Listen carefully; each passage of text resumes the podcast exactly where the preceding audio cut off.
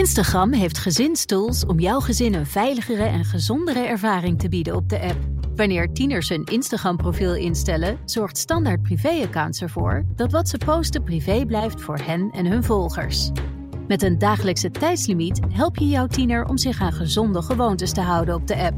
En door toezicht samen in te stellen, krijg je meer inzicht in wie ze volgen. Ontdek meer over deze en andere gezinstools op instagram.com/slash gezinstools. Hammelburg en Haan. Iwan, we gaan eventjes naar de situatie in Israël. Op dit moment is Israël uh, meer dan uh, 100 doelen aan het raken in Gaza. Terwijl uh, de premier van Engeland, Sunak, aan het arriveren is. Die komt vandaag naar Israël. Het is het begin maar van een hele stoot van de hoogwaardigheidsbekleders die langs gaat bij Netanyahu. Egypte heeft gezegd dat ze humanitaire hulp gaan doorlaten. 20 van de 200 opgestelde trucks bij de grens met Rafah zegt de Amerikaanse president Joe Biden. Die heeft dat uh, uh, besproken met premier Netanyahu. Uh, gisteren heeft hij hem openlijk gesteund. de Europese leiders komen langs en Macron belt met Zelensky. Dag 13 van de oorlog tussen Israël en Hamas. Dag 603 van de oorlog in Oekraïne. En bij ons zijn twee vaste waarden. Buitenlandcommentator Bernard Hammelburg en Europa-verslaggever Geert-Jan Haan. Mannen, goedemorgen. Goedemorgen. Morgen. Ja, eerst eventjes naar het laatste nieuws. Die luchtaanvallen van de Israëli op Gaza. Geert-Jan, wat weet jij daarvan? Nou, dat uh, Israël vannacht luchtaanvallen heeft uitgevoerd op plekken in Gaza, wat je zegt, maar ook in Libanon. Uh, infrastructuur van Hamas in Gaza, uh, zegt Israël te hebben geraakt. Nog geen duidelijk beeld van eventuele slachtoffers, al zegt Israël dat de aanval succesvol was. Arabische media die zeggen dan weer onder meer Al Jazeera dat er Israëlische operaties op de Westoever zijn. En volgens persbureau AP maakt Hamas gebruik van Noord-Koreaanse wapens. Hebben ze onderzoek naar gedaan en bewijs voor verzameld. En dat zou dan op die afschuwelijke 7 oktober ook zijn uh, gebruikt. Hm. Noord-Korea die ontkent de verkoop. Dat zijn de militaire berichten. En dan de diplomatieke berichten. Wat jij al zei, Bas Sunak, die lost straks Joe Biden af. Brengt een bezoek aan Netanyahu. En nog twee andere berichten die uh, volgens mij belangrijk zijn van de afgelopen nacht. Um, de VS hebben een resolutie in de Veiligheidsraad over de oorlog geblokkeerd. Met allemaal logische punten die waren ingediend door voorzitter Brazilië. Maar Amerika wil dat er in de resolutie uh, expliciet, expliciet, staat dat Israël het recht op zelfverdediging heeft. Ja. En dat was niet zo aangegeven. En dus heeft, uh, hebben de VS hun vetorecht gebruikt. En dat tot slot zowel diplomatiek als humanitair. Egypte laat 20 trucks met hulpgoederen door naar Gaza. Bron Joe Biden.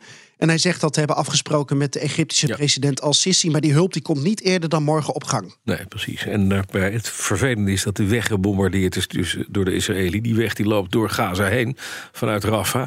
Bernard Hammelburg is bij ons. Bernard, ja, de belangrijkste ontwikkeling. Hoe moeten we dat nou duiden? Want Biden is nu weg. Heeft gisteren ja. dat, uh, dat indringende gesprek met Netanyahu... die ik trouwens niet echt blij zag kijken tijdens de persconferentie.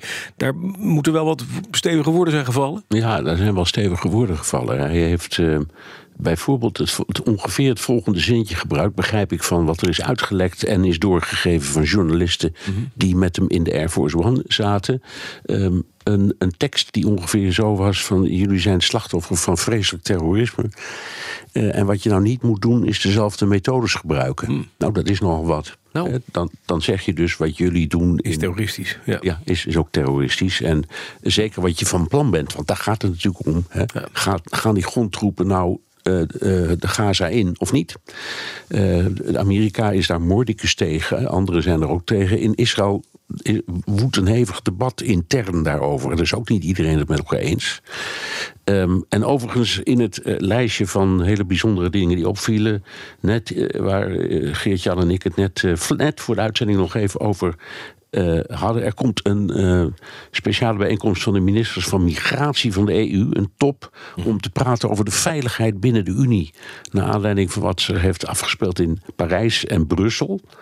Um, en dat is een onderwerp waar we al een aantal malen over hebben gehad. Maar de, de, de, indruk bestaat dat in heel Europa door al dit gedoe de veiligheid voor de burger uh, daalt. En daar mm. moet dus iets voor gebeuren worden. Uh, daar moet iets aan worden gedaan. gedaan. Ja. moet daar vooral over worden gepraat. Mm -hmm. Ja, nu over gepraat. Uh, Scholz was gisteren al bij, bij Netanyahu. Sunak is net geland in Jeruzalem. ook binnen Europa, alle Europese regeringsleiders gaan in ieder geval naar Israël. Gaan ze daar ook over praten? Ik, dat weet ik niet, omdat dit natuurlijk een probleem is. Dat, dit, dit is een afgeleide. Hè? Ja. Dit, dit heeft te maken met de demonstraties in Europa, met de gevoelens die Mhm. allemaal boven komen borrelen en die allemaal veel heftiger zijn dan normaal. Dat is bij dit conflict altijd al het geval. Ja. Eh, maar door die aanval op dat ziekenhuis is het allemaal eh, op scherp gezet, op veel scherper gezet. Hè. Hm. En je weet, de Amerikanen en, en anderen, ook de Britten inmiddels ook, die zeggen nou, het, het, het ziet er niet naar uit dat de Israëliërs dat hebben gedaan. Het was een afzwaaier. Ja, maar, eh, maar goed, zeker is dat niet. Er is, eh, eh, Nee. En in de Arabische wereld is er niemand, maar dan ook niemand die het gelooft, Nee. dit verhaal. Nee, precies. Dit is gewoon de, de frame was er en dat gaat die ook niet veranderen. Als het nee, er zijn dus overal rellen en toestanden. Ja. En, dat, en dat waait over naar ons. dat, Dat, en, we zijn bang voor het verschijnsel lone wolf, maar ook georganiseerde dingen. Dus het is belangrijk dat dat wordt geagendeerd voor ons allemaal, voor onze eigen veiligheid. Ja, nee, maar dat is, dat is duidelijk. Ik vroeg dit juist, eh waar, had dit ook een, een onderzoek van gesprek zijn, juist omdat de Israëli nog steeds eh, eh, het leger hebben samengetrokken, die reservisten langs de, langs de grens met de Gazastrook. En er inderdaad sprake is van, komt er nou een grondoffensief of niet? Daar heeft Biden zich al over uitgelaten. Dat kan ook weer extra olie op het vuur geven. En dat kan inderdaad in het buitenland weer leiden tot extra agressie tegen eh, niet alleen Israëlische doelen, maar ja, tegen, tegen, tegen alles, alles wat Ja. westelijk is. Ja. Hè? Nou ja, wat dat betreft zitten de, de, de, de bondgenoten van Israël, om het zo maar te zeggen, die Ja. Mhm. denken mee in dezelfde spagaat. Want waarom staat die troepenmacht daar? Ja. En waarom zou er een inval komen? Omdat ze Hamas willen uitschakelen. En gewoon echt compleet. Nou, als zoiets al kan, maar goed, los daarvan. Mhm. Dan moet je erin met een heleboel mensen. Maar het grootste deel van wat zich afspeelt is onder de grond. Hè. Vijf, ik geloof 500 kilometer aan, Aan tunnels. Daar zitten die gijzelaars waarschijnlijk. Ja. Daar, daar zitten waarschijnlijk ook eh, heel veel Hamas-strijders met hun wapens. Ehm, en het wordt dus een bloedbad. Ja. Eh, en eh, nou ja, we hebben het al eerder over gehad, maar de, de- de grote angst van wat dan heet urban warfare, die is echt heel groot. Nou, de, de Israëli's zijn ook getraind, dus ze kunnen wel wat. Ja. Maar ehm, eh, Biden en ook anderen, ik weet niet wat Scholz zal zeggen, maar ik denk ook dat hij zal adviseren om dat nou toch maar niet, te, Niet doen. te doen. Nee. Nee, en van Macron ik- weet ik het niet, maar ik vermoed ook dat hij dat zal zeggen. Geert-Jan. Ja, ik wilde nog iets over Scholz eh, zeggen, eh, die eh, er net is geweest. Ehm, ik denk als de Europese leiders langskomen. Kijk, we zien natuurlijk Amerika nog steeds als de macht. Als Biden daar is en Biden iets zegt, dan heeft dat meer impact dan als Scholz iets zegt. Maar ik zat ook naar de Duitse tv te kijken. En eh, dan zie je dus ehm, ja, verslaggevers van de ZDF. En die doen updates vanuit Israël met allemaal eh, mensen op de achtergrond die borden omhoog houden van eh gegijzelden. Ehm, in, in Hamas, maar dan van Duitse komaf bijvoorbeeld. En dan zie je ook borden van Scholz erbij. Ik heb de indruk dat de komst van Scholz en ook Sunak en eventueel Macron ook heel erg te maken heeft met die gegijzelde mensen. Dat het een hart onder de riem is van de familie van de gegijzelden, maar ook een soort druk van, vanuit eigen land om daar iets aan te doen. Omdat er nou eenmaal heel veel mensen met meerdere nationaliteiten nu gewoon vastzitten in Hamas. Ja. Ja, in Gaza bedoel je. In Gaza. En ja, vastgehouden door Hamas. Ja. Ander verhaal is wel, Bernard, dat hoorde ik- ook weer. Dat is ook iets wat eh, het kabinet eerder gezegd heeft van, eh, van Netanyahu. Hulp laten we niet toe in Gaza totdat die gegijzelden zijn vrijgelaten.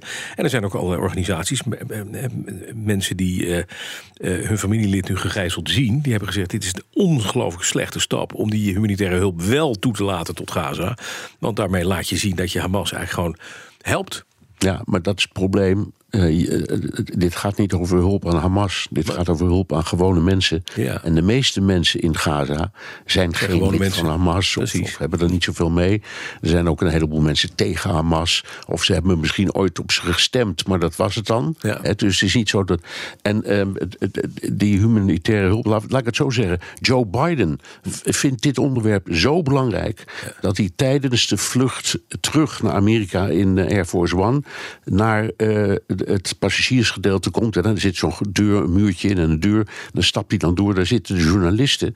eh, om met enige vreugde te vertellen dat hij in het vliegtuig net nog met Sisi had gebeld. Ja. En hem ervan had overtuigd dat het, die, die, Dat het echt moet, die, ja. dat het die eerste twintig trucks toch echt Ja. moeten.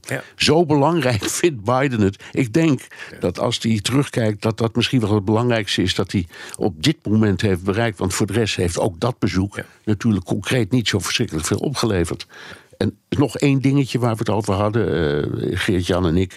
eh, dat Biden ook eh, het congres vraagt om 100 miljard dollar nieuwe steun voor Israël, Oekraïne, ehm, eh. Taiwan. En, ehm, en de, de, de, de grenssituatie met Mexico.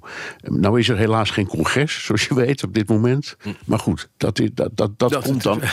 Ja, ook belangrijk hoor. Voor, Ja. Ik ben ook, ook, ook belangrijk dat ze Oekraïne niet uit het oog Nee, verliezen. precies. Speaking of which, Macron heeft met Zelensky gebeld, Geert-Jan. Wat, en dat doen ze wel vaker. Macron belde ook in het verleden nog vaak met Poetin. Maar nu met Zelensky, waar hebben we het over gehad? Ja, precies wat Bernard zegt. Eh, Macron wil duidelijk maken aan Zelensky dat de oorlog tussen Israël en Hamas geen negatieve invloed heeft op de Franse en Europese hulp aan de Oekraïne. Ja. Een soort verzekering en dat die steun zo lang eh, eh, ja, blijft als nodig is. Dat lees ik dan in de verklaring. Het Ja. lastige aan die verzekering, het is prachtig. ehm, en Europa heeft financieel en humanitair wel een been bijgetrokken wat Oekraïne betreft. Maar militair heeft Amerika gewoon nog veel meer op de plank en veel meer te bieden. Dus je moet Amerika aan je kant houden. Ja, duidelijk. Dank jullie wel. Geert-Jan Haan is onze Europa-verslaggever. Bernard Hammelburg, onze buitenlandcommentator. Instagram heeft gezinstools om jouw gezin een veiligere en gezondere ervaring te bieden op de app. Wanneer tieners hun Instagram-profiel instellen, zorgt standaard privé-accounts ervoor dat wat ze posten privé blijft voor hen en hun volgers. Met een dagelijkse tijdslimiet help je jouw tiener om zich aan gezonde gewoontes te houden op de app. En door toezicht samen in te stellen, krijg je meer inzicht in wie ze volgen. Ontdek meer over deze en andere gezinstools op instagram.com/gezinstools.